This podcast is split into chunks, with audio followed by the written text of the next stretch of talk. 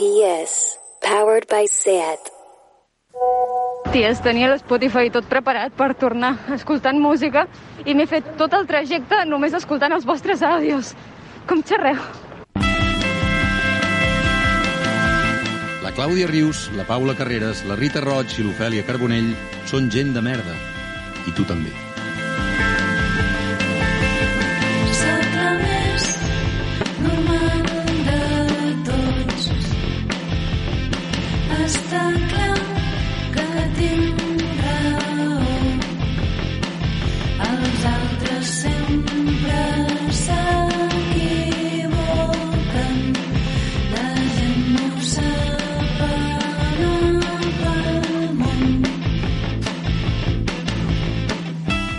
Paula, bon dia. Bon dia, Clàudia. Rita, bona tarda. Bona tarda. Ofèlia, bona nit. Bona nit. Bon dia, bona tarda, bona nit. Tant se val quan escolteu això, perquè avui ha vingut al programa una persona que jo crec que és pur talent i no sé ni què dir en aquesta entradeta perquè tinc ganes de passar ja a les seccions de la Paula, la Rita i l'Ofèlia i que la facin parlar.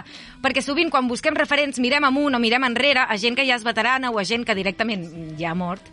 I realment pocs plaers més grans hi ha a la vida que reconèixer talent al teu voltant entre gent de la mateixa edat o fins i tot més jove que tu, veure persones que fan coses i que tenen valor i que comparteixen el seu art amb els altres, és com una cosa que sempre dona com molta esperança en el futur i la convidada d'avui és una d'aquestes persones.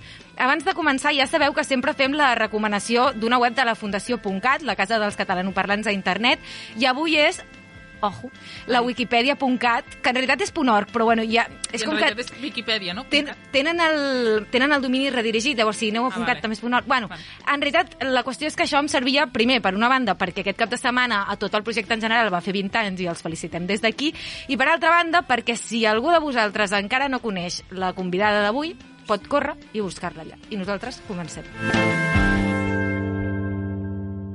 Paula, quina és l'última eh, l'última persona que has estalquejat? Doncs només li he pogut estalquejar l'Instagram perquè a Twitter no hi és, o com a mínim no l'he trobada. I... Però bueno, igualment fa la sensació que és una tia bastant tot terreny. L'estalquejada a la cara.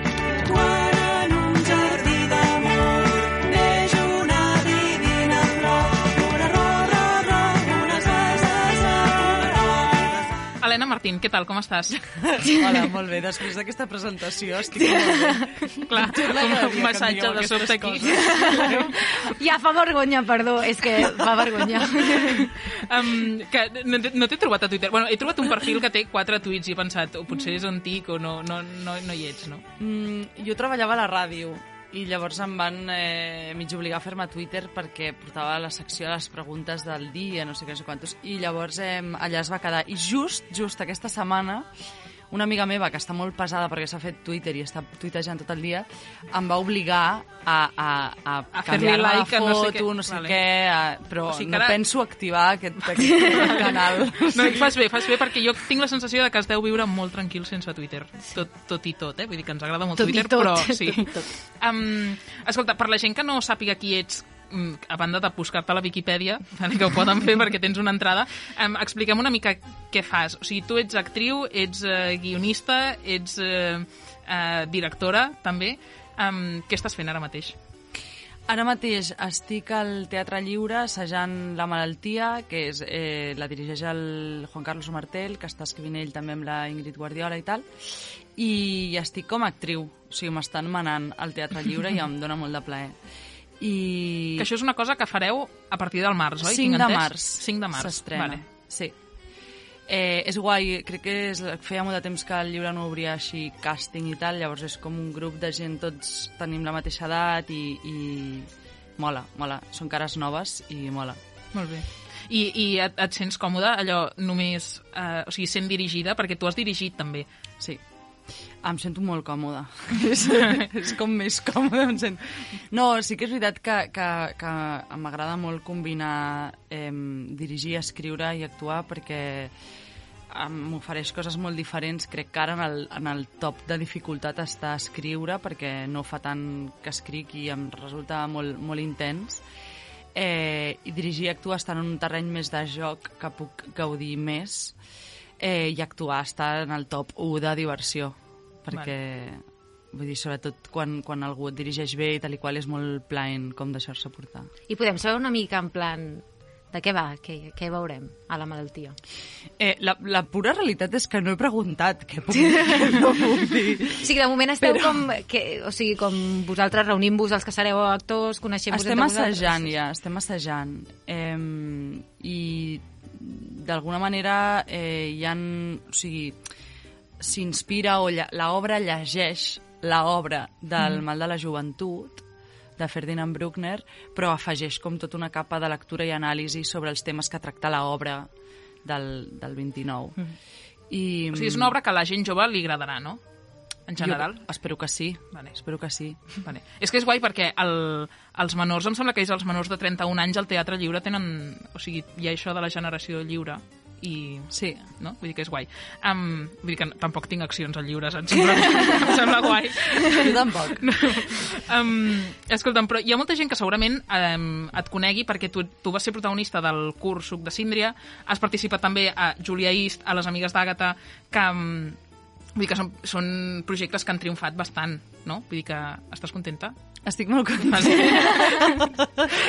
Estic molt contenta perquè, a més a més, eh, tots aquests que has dit justament són projectes o que he fet jo amb amics o que eren projectes d'amigues on jo he participat. O sigui que són projectes que no, no van sortir com d'un encàrrec o alguna així, sinó com mm. de la convivència i mola. És Però, que... ai, Digues, digues. No, que si tu has trobat o si tu busques treballar amb els teus amics. Eh... Eh... Ai, perdó.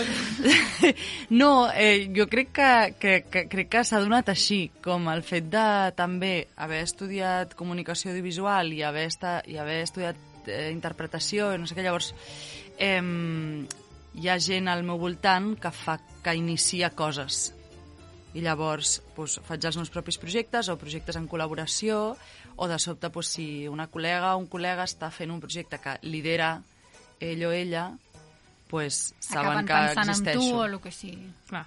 Sí.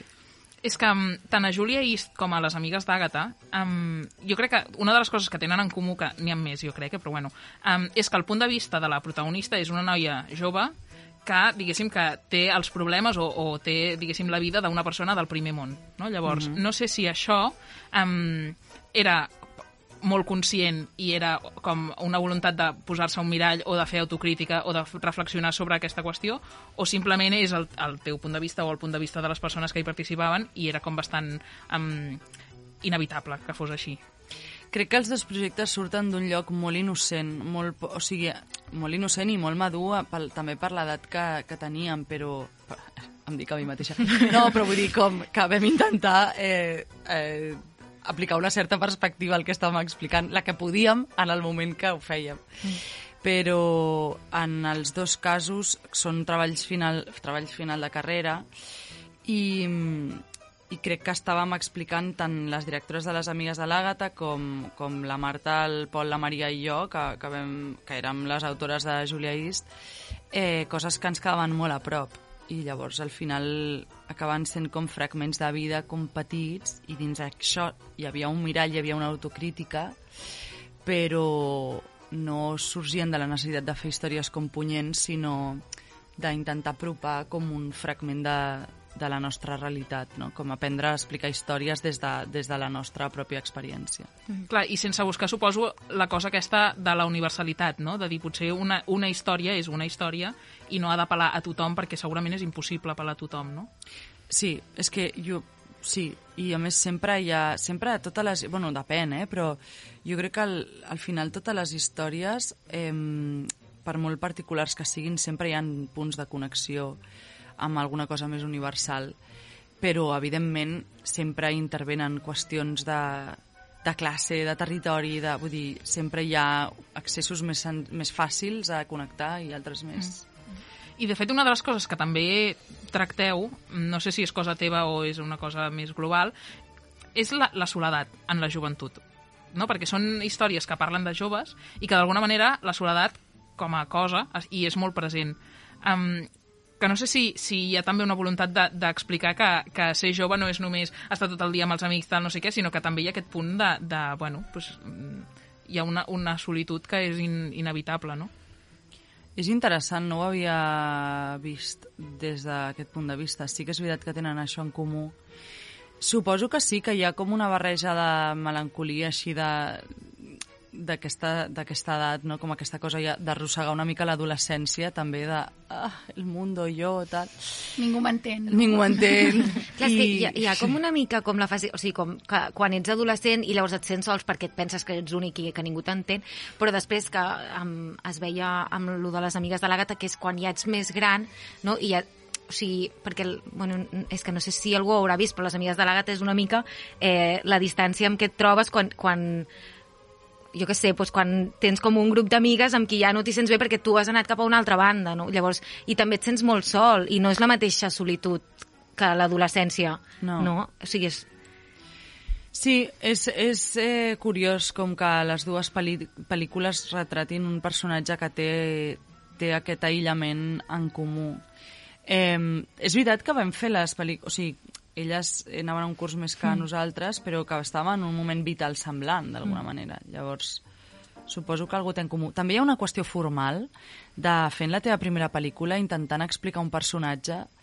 Eh, trobo que és bastant relativament normal, com que acabis centrant-te molt, molt en un sol univers, no? Mm. Com per la dificultat que representa com explicar una història amb tota la complexitat i que acabis com focalitzant molt. Mm. Però després també quan tu vas fer lo de eh, This is Love, es deia This is Love, l'obra de This is te. Real Love. This is Real Love que també tractava una mica de la solitud, no? perquè era com quan ho deixo amb una persona, o sigui, era, era amor, però alhora també era com estar sol, no? Sí, a veure, clar, This is Real Love ja era directament el cinisme del el mercat de, de, de les emocions, o sigui, ja era com... Era una solitud, però no tan ja, ja. melancòlica, sinó més una, una qüestió molt més freda i distant de... ja quasi com perversa, no? De...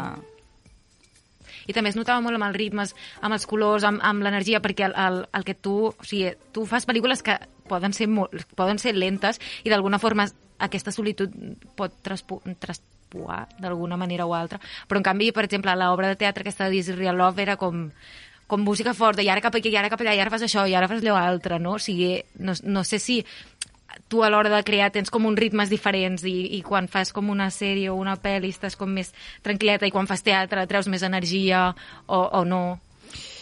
Eh, és una bona pregunta.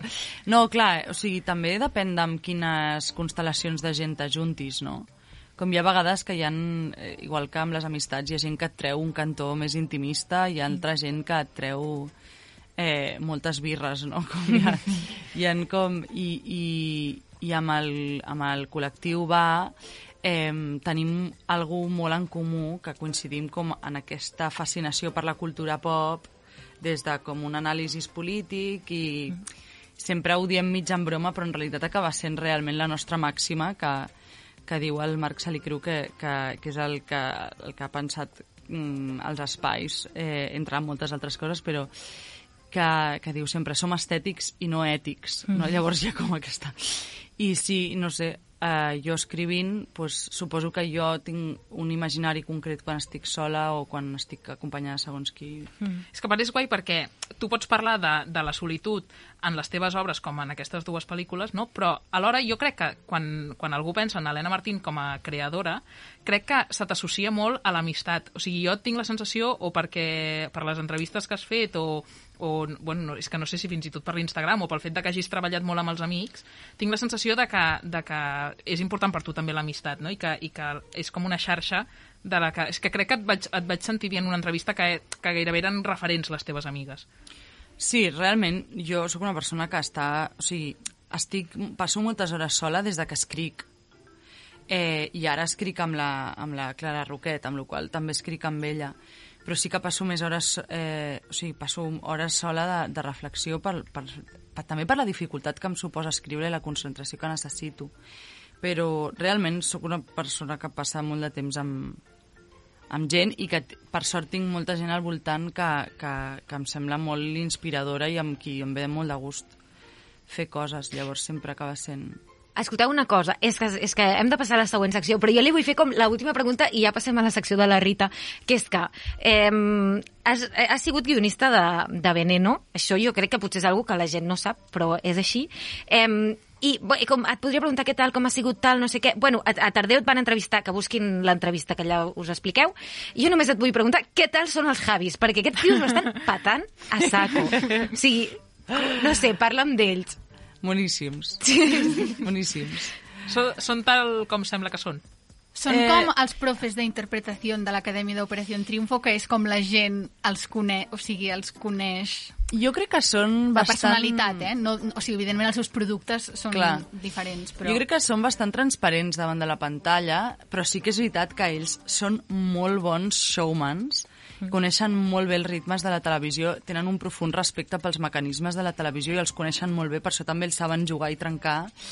Eh, I, evidentment, en la intimitat doncs, són persones amb, que segurament el seu nivell de revolucions és més baix, saps? Dir que, eh, però sí, són, són molt, molt transparents, molt propers, persones realment molt intel·ligents i amb molta capacitat per, per connectar emocionalment amb les històries. Paula, vols fer com superràpid l'última pregunta que tenim aquí? A, a... Sí, vale, jo és que volia preguntar-te una cosa que potser em dius, eh, no sé de què collons m'estàs parlant, però crec, tinc la sensació de que últimament molt, de, molt talent de Barcelona, pel que sigui, està, està virant cap a Madrid. O sigui, no sé què... És una pregunta polèmica, aquesta. Bueno, però és que tinc... O sigui, no, però que no sé què passa a Barcelona o què passa a Madrid, que... que... Hi ha com un boom a Madrid de... No sé si és perquè les sèries, um, altres media, Netflix, el que sigui, allà poden tenir més recorregut, eh, però hi, ha, hi, ha, hi està un boom audiovisual allà, no? I a més audiovisual jove, diguem.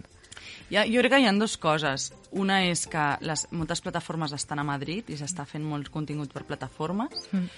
Eh, I després que, afortunadament, pues, a Catalunya, també, no només per les escoles que hi ha, sinó també pel, pels noms que han sortit, que han inspirat altres persones i que no sé què, hi ha molta gent jove que està fent coses interessants i llavors com el talent català mm, és, gu- o sigui, és molt guai, o sigui, realment tu vas a un equip de rodatge i hi ha molta, molta, molta penya d'aquí.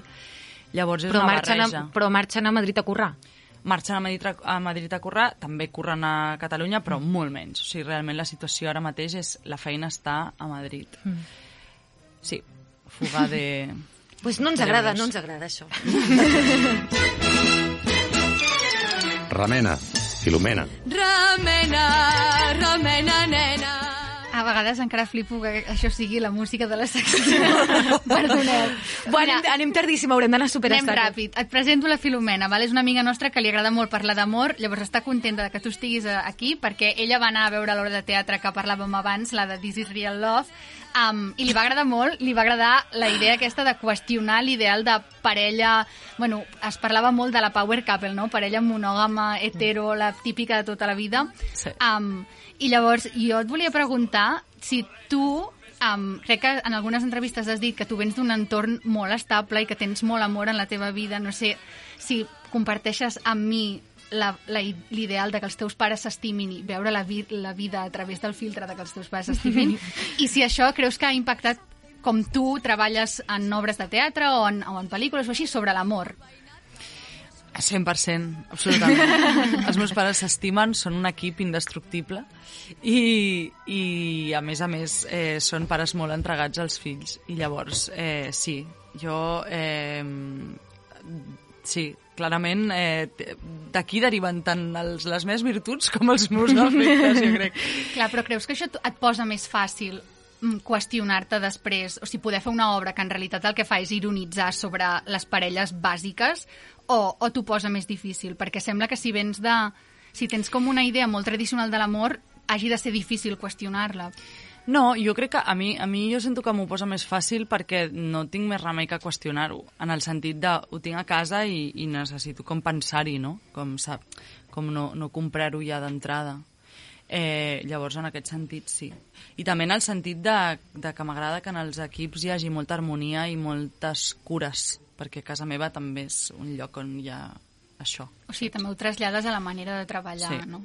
És que jo recordo, quan vaig anar a veure l'obra de teatre, que a l'entrada et demanaven sobre la teva um, um, disponibilitat sentimental, no? I et deien, um, tens parella, no tens parella, llavors si tenies parella et posaven un gomet vermell, i llavors si feies com, ai, no sé, no sé, et posaven un gomet groc, i si no tenies parella et posaven... semàfor de les discoteques de Sí, tarda. era un semàfor, era un semàfor. I Imagina't el dia que li vaig posar el gomet als meus pares, saps?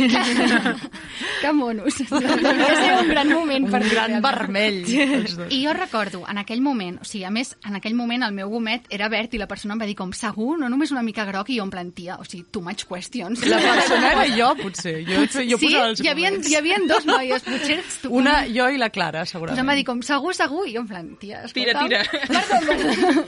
No, en plan, tira, tira amb el gomet verd, no? Sí, sí, jo, Clar. bueno, i a més, o sigui, que em, em va fer vergonya. I després, al sortir, i, o sigui, jo recordo durant tota l'obra, jo mirava els gomets de la penya i pensava, buah, soc de les úniques persones que té el gomet verd. Però un moment, Albert, quin era? que, que Estàs disponible. solter. Estàs- Vale? I jo pensava, buah, tothom té parella, no sé què. I al sortir, jo anava amb unes amigues, oh, amigues meves amb gomet vermell, en plan, tia, tothom tenia el gomet verd, no sé què. Llavors no sé si estem obsessionats tots en tenir parella, però tothom veia que lo, lo seu era lo raro. O sigui, és com que, no sé si... Me n'alegro tant que això funcionés. Això bus buscàveu Sí, això? sí, És que jo et volia preguntar perquè realment um, ens va afectar el cervell. Vam estar comentant els documents de la Sí, gent sí, sí. durant... Home, ens molava molt la idea de, de directament ja d'entrada etiquetar la gent, de, Mhm. literal, posar una, una etiqueta i que eh, generar l'expectativa, també la por de em faran fer alguna cosa, Ai, és sí, algo és que que ens això dona molt molta por. plaer.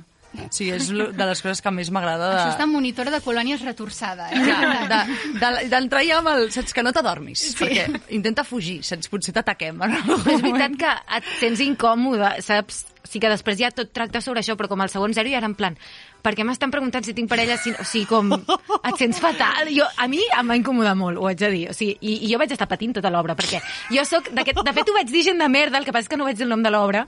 I va haver un dia que... Sí que crec que el vam Sí, arribar sí ho dir. Hi va haver un dia sí. que el text d'inici era en plan eh, no feu obres on haguem d'interactuar i fer coses, saps? I era perquè havia anat al fin de veure que, que t'havies d'estirar al terra, no sé, i jo, pati, jo vaig estar tota l'obra patint per veure què significava aquell document i en quin moment hauria de fer el pena davant de la gent, saps? I a mi m'ho vaig passar molt bé perquè en totes les obres intentem cuidar la gent, en plan...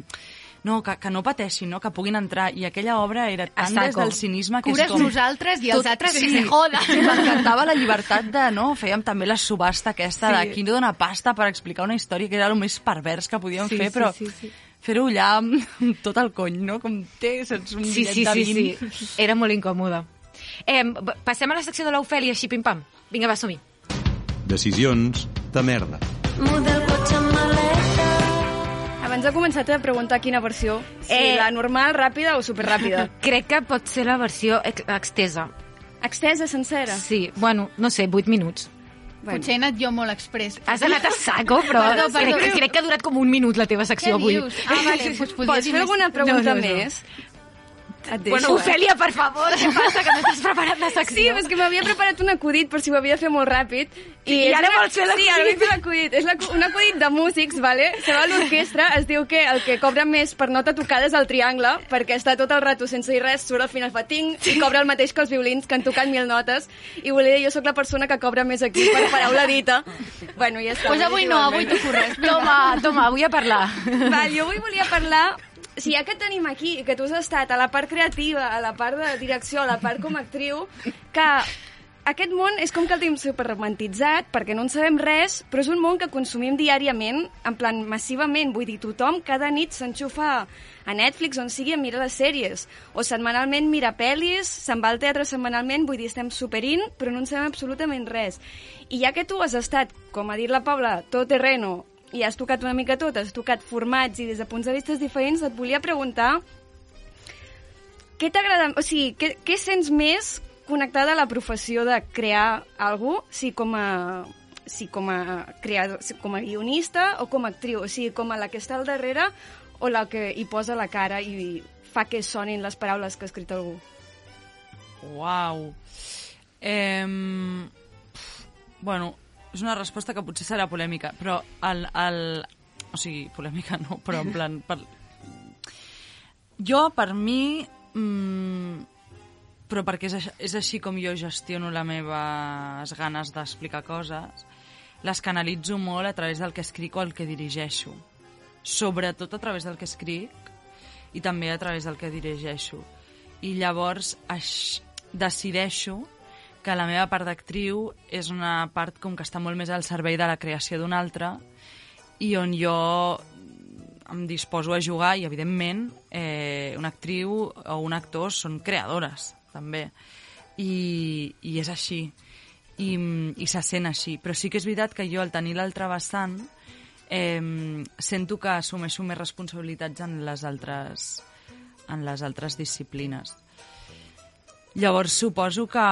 No sé si és aquesta la pregunta, te l'has Sí, sí, respost? sí, està super... Sí, sí. Però sí que és veritat que, que, que això ho escolta una actriu i em diu, escolta, guapa, jo també estic creant, saps? I és, i és cert, però...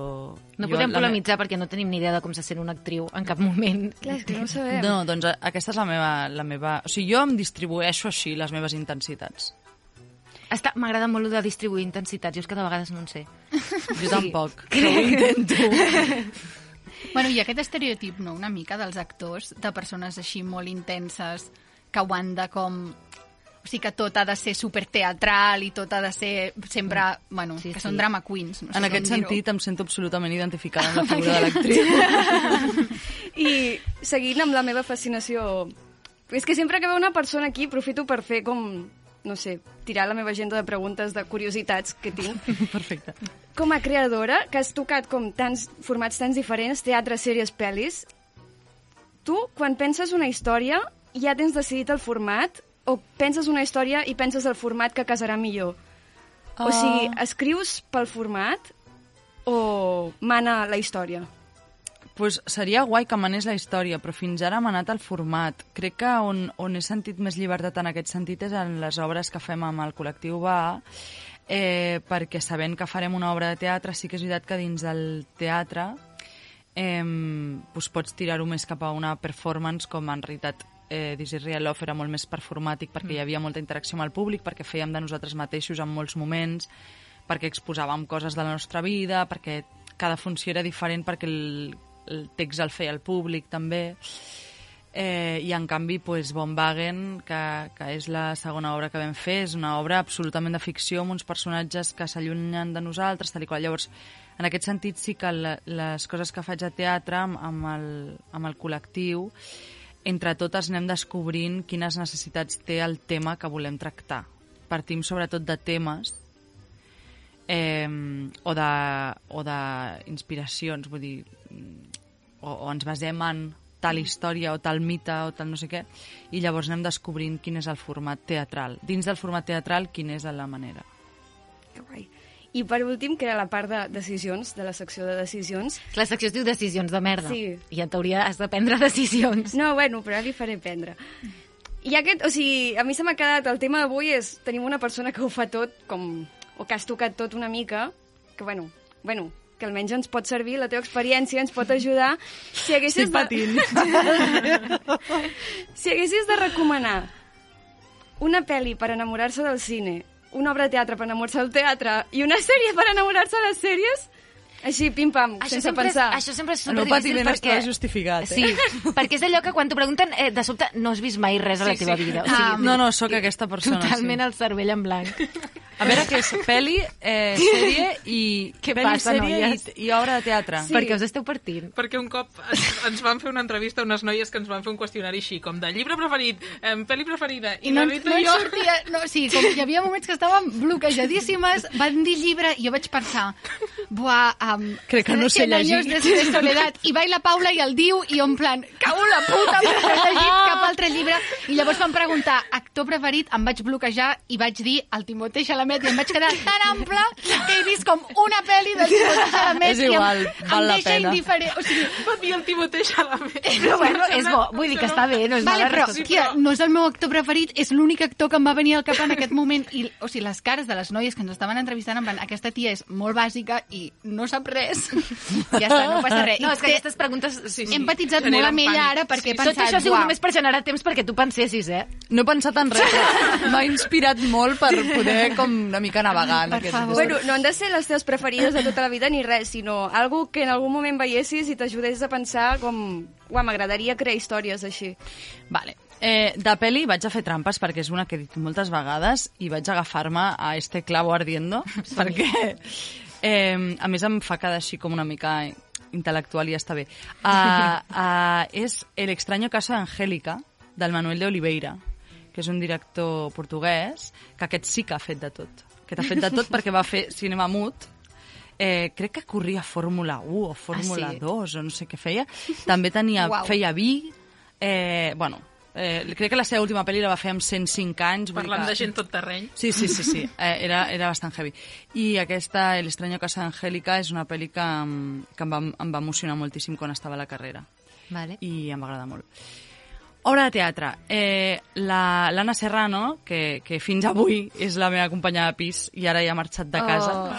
sí, el divorci, i, eh, i que també és del col·lectiu Va, em va regalar pel meu aniversari unes entrades per anar a veure Mother, de Peeping Tom, i en una escena vaig plorar de síndrome Stendhal. O sigui, vaig plorar no perquè fos un moment emotivament tal, sinó de la, de la bellesa. Llavors, eh, aquesta, Mother de Peeping Tom. I què més has dit? I falta Una la sèrie, sèrie, no? no? Sí. Física o química no, perquè abans ens has dit que no havies mirat física no havia o mirat química. física o química, jo només he vist el retorno. Eh, a veure, una sèrie... Uf, és que és més difícil per, pel, pel nivell de consum, no? Eh, Perquè en veus més o menys? En veig moltes. eh, O... Transparent. De les... Ah, vale. Ah, doncs pues, pues molt bé. Pues és molt maco. Transparent és... Bueno, mira, em corregeixo. També de la Jill Soloway, I Love Dick.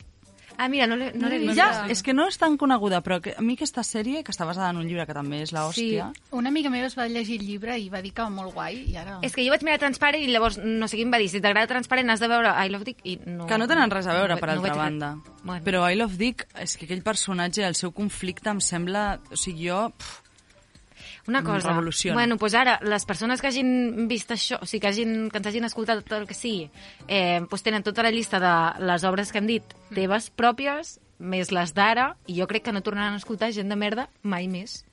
De tanta feina que els hi hem donat. Sí. Bueno, però tots Ja sabem que tenim llistes de coses i després tornem a mirar mm, plats bruts, Sí, saps? Vull dir és que això ens, tio. ens passa a És vegades. una cosa que, ja, ja acabem, però és una cosa que em fa molta ràbia, que jo sempre penso que vull mirar mil pel·lis i llavors arriba el dia en què tinc el temps i no sé, no trobo les llistes, no recordo res al meu cervell i, i sempre acabo tornant a, A lo- coses que allò ja he que et reconforta, però és que també té sentit una sí, mica. sí, a vegades està Ja, bé. però bueno, també s'han de conèixer coses noves. Sí, Bueno. sí. Eh, moltes gràcies per venir. Helena, i recomanem, recomanem a absolutament tothom que et segueixi el que has fet i el que sigui que faràs.